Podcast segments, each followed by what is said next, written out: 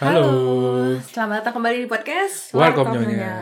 Jadi hari ini kami ingin membahas sebuah stereotype Iya, iya. yang sering dilekatkan kepada kawan-kawan yang kebetulan kuliah di luar negeri. Gitu, Betul. cuy. Dan yang mau kita sampaikan ini adalah beberapa em, cerita dari sisi kita. Apakah persepsi orang-orang akan anak rantau yang kuliah di Jerman itu seperti itu gitu. Iya. Dari pengalaman kita, em, mungkin nggak bisa direlate ke semua negara ya. Mm-mm. Cuman yang kita tahu dari Jerman aja. Gitu. Iya betul. Gimana sih kehidupan anak-anak Indo yang di sini gitu. Nah gambaran yang kita punya tentang student di luar negeri itu kan kita dapatnya dulu tuh dari film kebanyakan Iya, film-film Hollywood. betul betul. gitu kan. Nah kebanyakan yang digambarkan adalah em, happy-nya masa kuliah gitu. Ya hura-hura, partinya. party. Terus apa sih yang kayak eh, rumah apa sih namanya itu yang fraternity ya? fraternity house Iya, kayak atau- gitu-gitulah. Haha. Itu kan eh, jadi seolah-olah standar bahwa kalau perkuliahan di luar negeri itu seperti itu Iya, iya. gitu. Nah ini kita nggak tahu yang di Amerika gimana. Kami mau cerita tentang gimana yang ada di Jerman dan ini berdasarkan pengalaman pribadi ya, yang kita lihat gitu. Iya, iya. Jadi eh, stereotype yang pertama nih ya. Sesuai dengan tadi yang ada di film-film ya. Iya, dan ini sering ditanyakan gitu. Apalagi Oh. waktu awal-awal aku ke Jerman gitu. Iya. Udah di Jerman, habis itu lagi pulang ke Indo. Iya. Pertanyaan pertama yang pasti ditanyain, wah gila lu party mulu di sana ya? Wah, itu tuh. Padahal mah ya Allah, gimana ya? Ada yang sering party ada Iya. gitu. Cuman itu tuh sama aja kayak di Indonesia. Maksudnya di Indonesia juga ada orang-orang yang sering party. Mungkin Iya, mungkin em, apa ya intensitasnya juga sama gitu Hmm. tapi lagi-lagi nih kan dia menggeneralisasikan setiap orang yang merantau ke luar negeri. kenal gitu sering party memang sih eh, apa ya kayak godaannya tuh besar banget karena kan kita Iya, sekarang betul. mandiri Mm-mm. bisa nggak ya bisa ngapa-ngapain Iya. sesuka kita lah nggak ada yang Dan- kontrol Dan kunci rumah tuh kita yang megang gitu betul kan. jadi Jadi, nggak harus uh-uh. bingung dan nggak ada Pak RT yang tiba-tiba menghakimi orang pulang bukan malam. tetangga coy Oh, tetangga. kadang kan Pak RT jauh ya rumah Enggak, tapi kan tetangga. Laporan ke Pak RT Oh, iya, bener Terus Pak. RT yang ni- menindak gitu kan. Di Iya. sini nggak ada gitu. Dan mau ngebungkus, mau ngapain, mau party, mau nggak pulang juga nggak ada yang nanyain gitu. gitu. Em, jadi ada memang yang sering party, cuman nggak semua orang gitu. Bahkan Iya. sebenarnya party itu banyak keluar duit sebenarnya. Jadi Iya banyak sih. yang ya gimana ya? Nggak memilih untuk tidak party. Bukan gitu. prioritas lah, bukan, Bukan prioritas. prioritas, iya.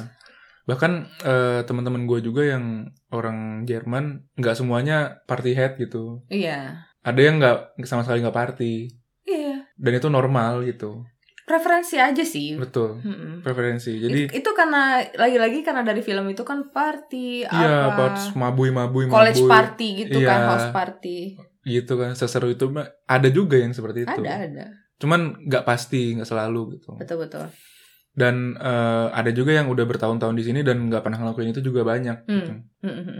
Lagi-lagi tuh balik ke pilihan masing-masing. kayak aku karena aku kayaknya emang sama Allah tuh nggak tahu di- dibilang jangan lah gitu pokoknya aku nggak pernah di, dia diajak pernah sekali pas udah nyampe sana ternyata ditanyain ID dan Hmm. aku nggak punya Iya. jadi aku udah Balik. pulang Balik Iya, aja udah. iya nggak boleh masuk Gagal. gitu kan terus abis itu udah nggak pernah punya teman yang ngajak-ngajak party lagi jadi ya Hmm. udah Hmm. dan aku kayak nggak tahu sih nggak kepengen juga gitu mungkin not my scene kali ya aku Hmm. lebih yang di rumah gitu jadi ya namanya preferensi pasti beda-beda setiap orang gitu. Iya.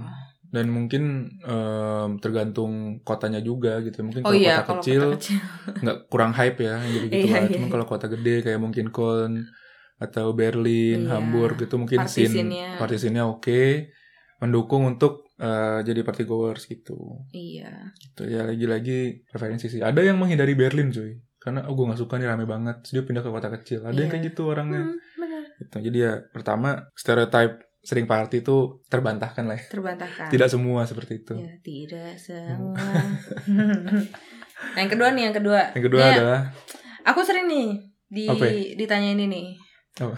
Ah, ya lumayan lah orang kaya. Wow, Oh, anak sultan. Anak sultan. Bisa kuliah di luar negeri padahal dia tidak tahu saja ya kan. Aku setiap apa ya? Jadi kan kalau di dalam saat itu untuk perpanjang visa kita Hmm. butuh harus ada uang di rekening tuh minimal 4.000 euro. Itu tuh kayak Itu untuk berapa bulan?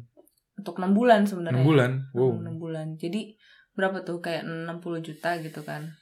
Mm-mm. Nah itu kan kepake kan biasanya Hmm. menjelang ya selama enam bulan aku punya visa itu untuk hidup kadang aku ngambil dari uang Iya, rekening itu kan juga. kepake jadi aku harus ganti Mm-mm. biar bisa dapat visa lagi nah itu setiap apa namanya liburan kampus ya aku kerja gitu Hmm. buat nutupin itu belum buat aku foya-foya ngerti gak sih segitu Iya. aja aku cuman yang biasa aja hidup biasa gitu itu untuk kebutuhan yang paling dasar, Dasar, lah ya iya. rumah asuransi makan gitu kan ya kalau baju-baju dikit skincare gitu cuman nggak yang foya-foya ke mana-mana gitu Iya. juga Hmm. segitu aja udah kesusahan Hmm. malah menurutku kalau misalnya aku kuliah di Indo pengeluaranku lebih banyak lebih hedon Hmm, karena kan bawa mobil. Di sini ongkos nggak. Mm-mm. bawa Oh, mobil iya sih, parkir bensin. Tol. Tol. Nongkrong. Nongkrongnya itu sih. Hmm. perawatannya gitu kan karena Iya, ke salon murah jadi pengen ke perawatan mobil juga lah harus ke ben- harus ke bengkel kan. Minimal ganti oli gitu iya dan yang yang aku heran ya banyak juga sih anak-anak sultan yang kuliah ke Jerman gitu ya. tapi kamu nggak tahu. Kalau dia anak sultan. Iya jadi kalau lihat vlog-vlog em, youtuber yang kuliah di luar negeri Hmm. Ada yang udah punya mobil. Oh iya eh, sih terus bener sih. punya kendaraan sendiri lah Iya. gitu ya. Terus kita tuh di sini seanak-anak sultannya itu jarang banget yang punya mobil. Mungkin satu kota tuh satu satu dari ratusan iya. anak Indo gitu. Bahkan- walaupun anak sultannya mungkin banyak banget iya gitu. bahkan sampai sekarang yang aku kenal punya mobil segelintir orang bisa dihitung jari lah nggak Iya. nyampe nggak nyampe dua tangan aku pakai untuk Iya. ngitung itu gitu betul Gitu sih. Nah, aku pernah nonton, tapi nyambung yang tadi, aku pernah nonton se- sebuah vlog dari kawan student di Amerika. oh ya Kayak dia kayak daily vlog gitu kan. Ayo guys, kita mau gue mau berangkat kampus nih. Kayak Mhm. ntar kita naik subway gitu kan. Dari rumah naik mobil dulu, Bos. Dari rumah naik mobil dulu sampai ke stasiun. halte Terus kayak, oh wow.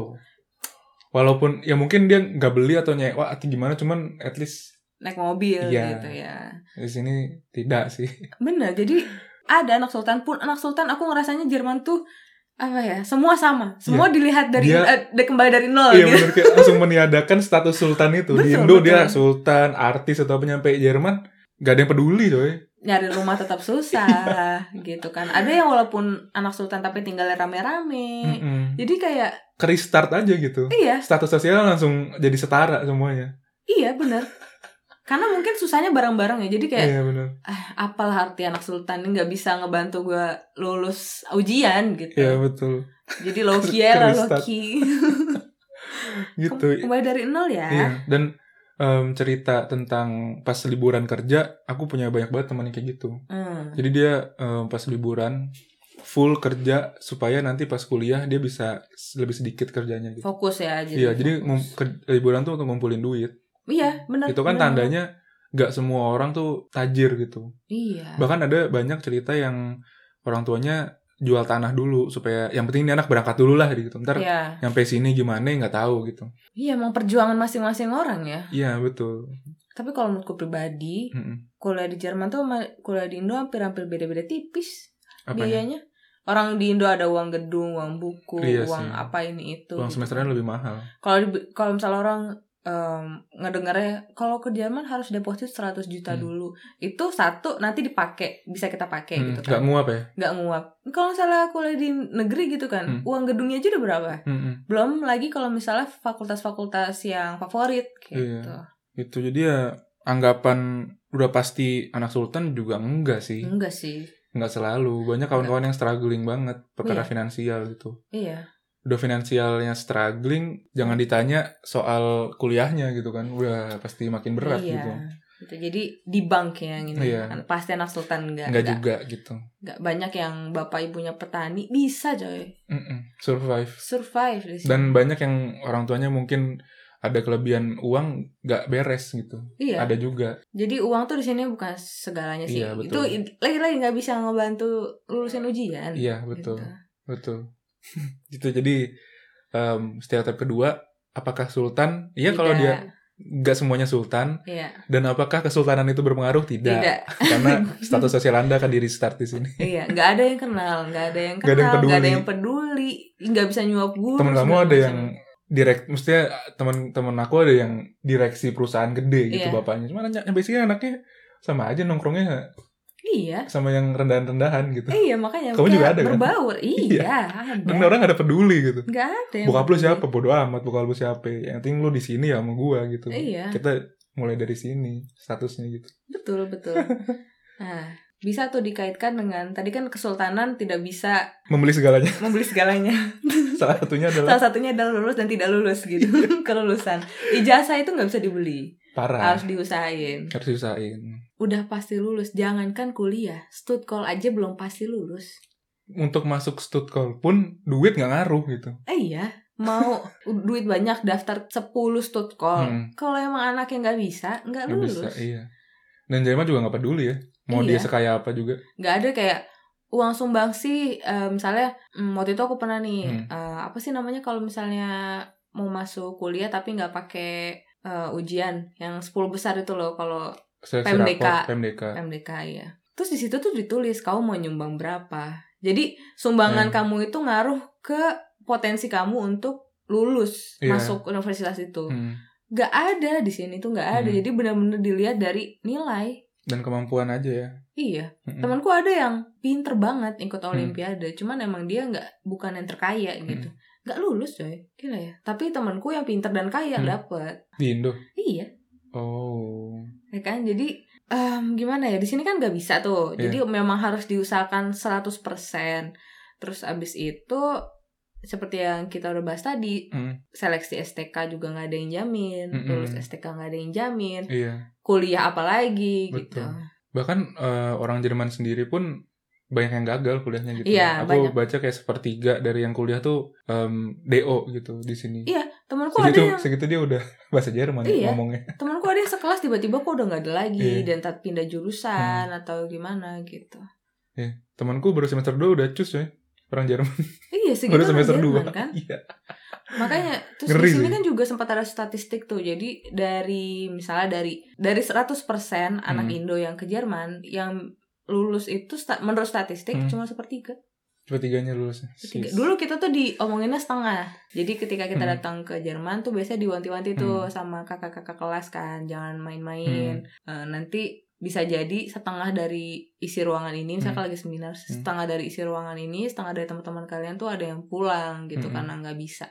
Karena itu emang udah terjadi dari turun temurun. Ternyata kenyataannya 30% Banyak ya. banyak yang gagal maksudnya. Hmm. Iya. Iya betul. Dan apa ya aku ngelihat ya mungkin ini baik juga ya. Cuman aku ngelihat di Indonesia tuh kok kayak pasti lulus kuliah gitu. Hmm. Mau gimana pun Tepat waktu lagi ya. 90% orang tuh tepat waktu. kebanyakan gitu ya. Se nggak jelasnya gimana pun dalam menjalani kuliah itu pasti lulus gitu. Aku Iya. kayak mungkin baik, nggak tahu juga sih aku nggak bisa ngejudge ya. Karena aku nggak tahu gimana. Cuman Iya. kok kayak semua orang lulus gitu. Aku nggak berusaha ngebandingin ya, cuman stating a fact aja Iya. gitu. Kalau di Jerman ya itu kenyataannya. Mungkin kita salty aja sih sebenarnya kayak Bukan sih susah banget coy gitu. bukan salty sih. Aku lebih ke bingung ya. Karena Iya. aku kenal dulu ada eh, teman aku yang dia tuh kayak adik kelas. Hmm. Dia kuliah ke Prancis. Mm-mm. Di saat aku ngap ngapan Mm-mm. ngos-ngosan untuk nyelesain kuliah di sini, dia lagi S2. Udah pindah Oh. negara lagi di Bulgaria. Wow. Ngeri kayak sampai aku tuh bilang kenapa sih di Jerman belangsak amat anak-anaknya gitu. Iya iya. iya. Sekolah pada susah amat gitu. Ya aku nggak ngerti sih kenapa gitu. Iya ya kenapa ya? Dan aku nggak bisa ngejudge karena aku belum pernah kuliah selain di Jerman gitu. Aku dulu sebelum ke sini juga persepsi aku tuh ah cuma tujuh semester nih kelihatannya Easy lah. easy lah. Tinggal bayar ya kan, Ah. tinggal duduk nggak pasti lulus. Ternyata aku lulus di semester ke 10 setelah tiga semester Iya. gitu. Dan itu tuh normal banget di sini. Betul. Bahkan em, ada di salah satu uni itu tuh sebenarnya jurusannya itu hanya butuh 6 semester Iya. normalnya. Tapi statistiknya di jurusan itu lulusnya 12 semester, artinya Hmm. dua kali lipat dari Iya. waktu yang normalnya menurut uni itu. gitu. Iya. Dan ketika udah bicara seperti itu kan nggak terbatas hanya orang asing, artinya orang Hmm. Jerman pun butuh waktu kurang lebih 12 semester untuk lulus dari jurusan Iya. itu. Untuk orang Jerman aja susah, gimana untuk Iya. orang asing? Nah, Betul. itu cuy. Betul betul. Itu. Jadi kayak aku dulu mikir, ah easy lah lulus pasti keluar negeri mah. Enggak juga sih karena Enggak, ternyata tidak. sulit cuy. Iya iya. Itu. Makanya bersyukurlah kalau udah lulus kuliah. Iya, soalnya banyak juga teman-teman kita kan yang akhirnya harus pindah Hmm. gitu. Walaupun ya memang eh, nggak lulus kuliah bukan berarti akhir dari segalanya ya. Hmm, hmm, hmm. Karena ya aku juga ada kawan yang dalam tanda kutip dibelokin jalurnya nggak di Jerman tapi setelah itu alhamdulillah kehidupannya jalan-jalan aja gitu stabil dan sekarang alhamdulillah mantep gitu. Iya iya. Jadi ya bukannya itu buruk ya, cuman eh, faktanya bahwa emang harus berjuang banget untuk Iya. lulus di Jerman aku nggak tahu kenapa sesusah itu Iya. gitu makanya kata-kata entah ya kenapa eh, jangankan pas kita balik Indo pas Hmm. kita ngumpul-ngumpul aja kadang pertanyaan gimana kuliah itu aja udah rasa ih alamak iya udah takut salah ngomong gitu kan kecuali Iya. kalau emang ke temen yang deket banget Hmm. baru berani ngomong kayak gitu cuma Hmm. kalau misalnya baru kayaknya nggak berani karena itu mungkin sama kayak Dindo kalau misalnya ditanya kapan nikah? Karena Hal sulit. tabu iya sulit. Mau gimana gitu. Iya. betul. Juga lagi diusahain apalagi kalau misalnya pas pulang ke Indo. Ya ampun Hmm. udah lama kok belum lulus. Ya Allah. Hmm. tante boleh belum ngerasain aja antum. Eh, iya coy. Nah yang keempat nih. Enak ya hidup di luar negeri. Waduh. itu kayak apa sih eh bahasa basi awalnya ya? iya. Oh enak ya di luar negeri ya? Hmm pasti enak tuh gitu. Mm-mm. padahal tante ya enak sih. Tergantung ya kalau menurut tergantung. Tergantung ada enaknya ada enggaknya. Iya karena menurutku mau di mana pun tinggal itu pasti ada enaknya dan gak enaknya sih. Iya betul. Gak mungkin satu hal itu hanya satu sisi pasti ada dua sisi. Ya sih misalnya kayak fasilitas kesehatan Mm-mm. eh, mungkin kualitas udara atau lingkungan dan Mm-mm. transport itu emang bagus gitu. Cuman lagi-lagi kan em, apa ya ada downside apalagi kita sebagai perantau gitu dengan Hmm. izin tinggal cari Iya. rumah kayak Mm-mm. gitu-gitu. Dan sebenarnya kesulitan beradaptasi juga termasuk misalnya- termasuk tantangan kuliah juga sih. Iya iya. Karena kalau ada kesusahan untuk beradaptasi ya kuliahnya pun nggak bakal optimal gitu. Betul betul. Karena kan mau nggak mau dalam proses kuliah harus berinteraksi kan. Iya. Dengan kultur yang berbeda gitu. Iya dan ada juga mungkin selama gue jauh dari orang tua tuh nggak enak gitu walaupun dia tinggal Nah, di istana betul. gitu Mm. cuman kalau jauh dari orang tua nggak enak ada juga yang kayak gitu ada temanku yang akhirnya gue kayak pulang sih gue nggak bisa gue nggak bisa Mm. konsen kalau kuliah di sini ya nggak apa-apa juga sih maksudnya orang-orang kan beda-beda preferensinya. Iya, gitu betul. Nah itu sih aku ngelihatnya em, belakangan ini udah sering digaungkan tuh bahwa it's okay untuk jadi mediocre gitu. Hmm, Sempat rame gitu kita harus harus hustling banget gitu untuk Iya. kita jadi yang terbaik jadi ini tuh apa segala macem sehingga akhirnya jadi beban ke diri sendiri gitu kan. Kayak seolah-olah tuh semua orang bisa kalau keluar negeri tuh harus sukses harus jadi ini tuh Hmm, apa segala macem gitu kan. Tapi ternyata merantau itu bukan untuk semua orang gitu. Iya. Nah sedihnya kan ketika ada orang yang merasa oh gue nggak kuat nih jauh dari keluarga karena karena budaya itu si hustling itu Iya. Akhirnya dia malah menyalahkan diri sendiri kok gue lemah? Kok gue nggak bisa survive? Kok gue nggak sukses? Hmm. kok gue nggak kerja di luar negeri? Disunda segala macem. Hmm, malah jadi tekan tekanan ke diri dia sendiri. Padahal Iya. kan itu normal aja. Semua orang punya preferensi masing-masing dan nggak semua orang tuh cocok gitu. Kayak se- sekarang oh gue harus berkarir nih 9 to 5 nggak semua orang cocok dengan iya, itu. iya iya. Ketika orang memilih untuk tidak melakukan itu malah dijudge gitu. Karena kayak udah terbentuk semacam ke kesepakatan komunal gitu loh kayak society itu akhirnya harus gini harus gitu mendikte Hmm, padahal kan nggak juga gitu Iya. benar-benar itu harus di- lebih dinormalkan lagi sih eh jadi gak semua orang harus gitu Eh ya, ya hidup enak. Ya apa ya? Part nggak enaknya sebenarnya juga nggak kalah banyak. Iya Kayak sih. harus ngantri untuk bikin apa namanya? Bikin visa, Visa. Iya. ngantri dari pagi, dari subuh gitu. kalau nggak punya duit nggak dikasih visa Iya, terus sementara duit lagi susah gitu iya kerjaan lagi mepet juga Iya, gitu terus kan. ditambah bentar lagi mau ujian, tapi belum ada duit, gitu kan berkali lipat gitu. Terus Iya. belum lagi nyampe rumah, habis kerja, habis kuliah, nggak ada makanan, kayak aduh harus masak. Kalau kalau mesen delivery Mahal. mahal, gitulah. Iya, iya. Jadi enaknya ya enak kita syukuri, emang alhamdulillah enak. Iya. Ada juga tapi tantangannya gitu kan. Betul, betul. Memang hidup kayak gitulah, pasti ada tantangannya. Kalau menurut aku aku di Jerman itu belajar hidup dengan ketidakpastian. Wow. jadi tidak asing lagi dengan ketidakpastian karena bisa tiba-tiba diusir rumahnya bisa Iya sih. em, harus pindah terus nyari-nyari nggak dapet dapet harus misalnya apa namanya ujian tiba-tiba ada yang gagal terus Mm-mm. harus ngambil semester depannya terus semua rencana tuh akhirnya harus diubah Ubah lagi, lagi, gitu betul. tiba-tiba nggak punya duit kayak Mm-mm. gitu-gitu kan jadi itulah ketidakpastian udah kayak biasa banget Mm-mm. Yang paling ngeri sih emang ketidakpastian dapat visa sih. ya itu juga Apalagi kalau kalau udah usia kuliahnya tuh udah masuk semester 7 ke atas lah. Iya. Ngelewatin batas normal itu udah mulai tuh ngeri-ngeri sedap. Iya.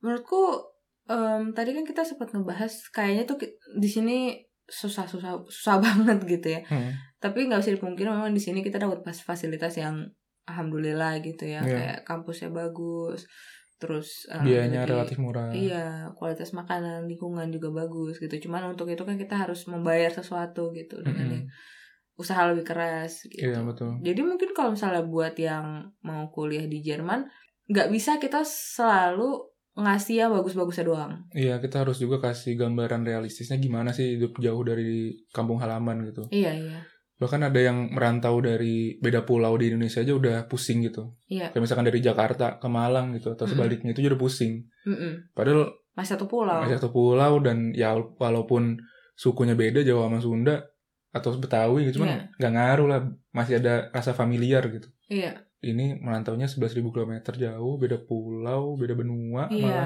beda negara, beda zona waktu, beda bahasa beda bahasa, beda kultur, udah makin Iya, soalnya Besar kalau misalnya apa ya, banyaklah yang memberi kesan bahwa ke Jerman tuh enak kok bisa sambil kerja ini itu. Jadi Hmm. dijual tuh manis-manisnya doang. Iya. Dan itu ya kita nggak mau pada kecewa aja pas nyampe sini kok kehidupannya gembel ya gitu.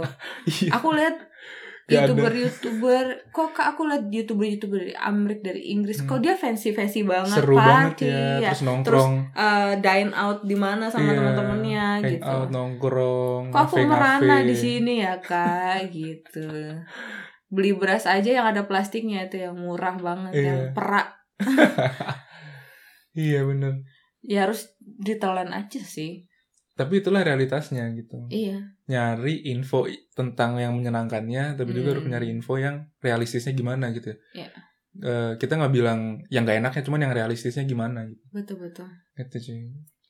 Dan apa ya, em, jangan disalahartikan bahwa kita lagi menjalankan sirkus hidup susah, enggak sih. Enggak Maksudnya sih. kita enggak lagi membuat hiperbola tentang kehidupan susah Iya. di luar negeri, enggak juga sih. Maksudnya kita juga bersyukur, alhamdulillah. Cuman ya ini cerita tentang realitas aja gitu. Slice of life. Slice of life benar. enggak bilang kita yang paling susah, enggak. Enggak enggak. Kita yang paling happy juga enggak gitu. Ya. Kan balik lagi tadi aku udah bilang bahwa mau hidup di mana pun pasti ada tantangannya gitu.